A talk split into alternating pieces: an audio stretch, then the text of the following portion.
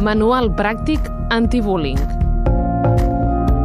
Oriol Julià, de CER, Salut i Educació Emocional. Com a societat podem veure el bullying des de dos eh, prismes. Un, que és una malaltia.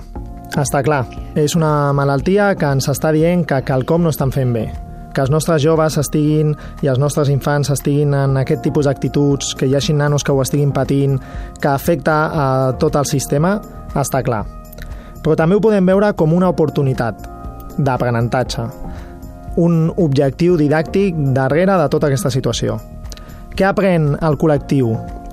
Aprèn que ens hem de cuidar, aprèn que les emocions són importants, aprèn que el clima ha d'ajudar a la convivència.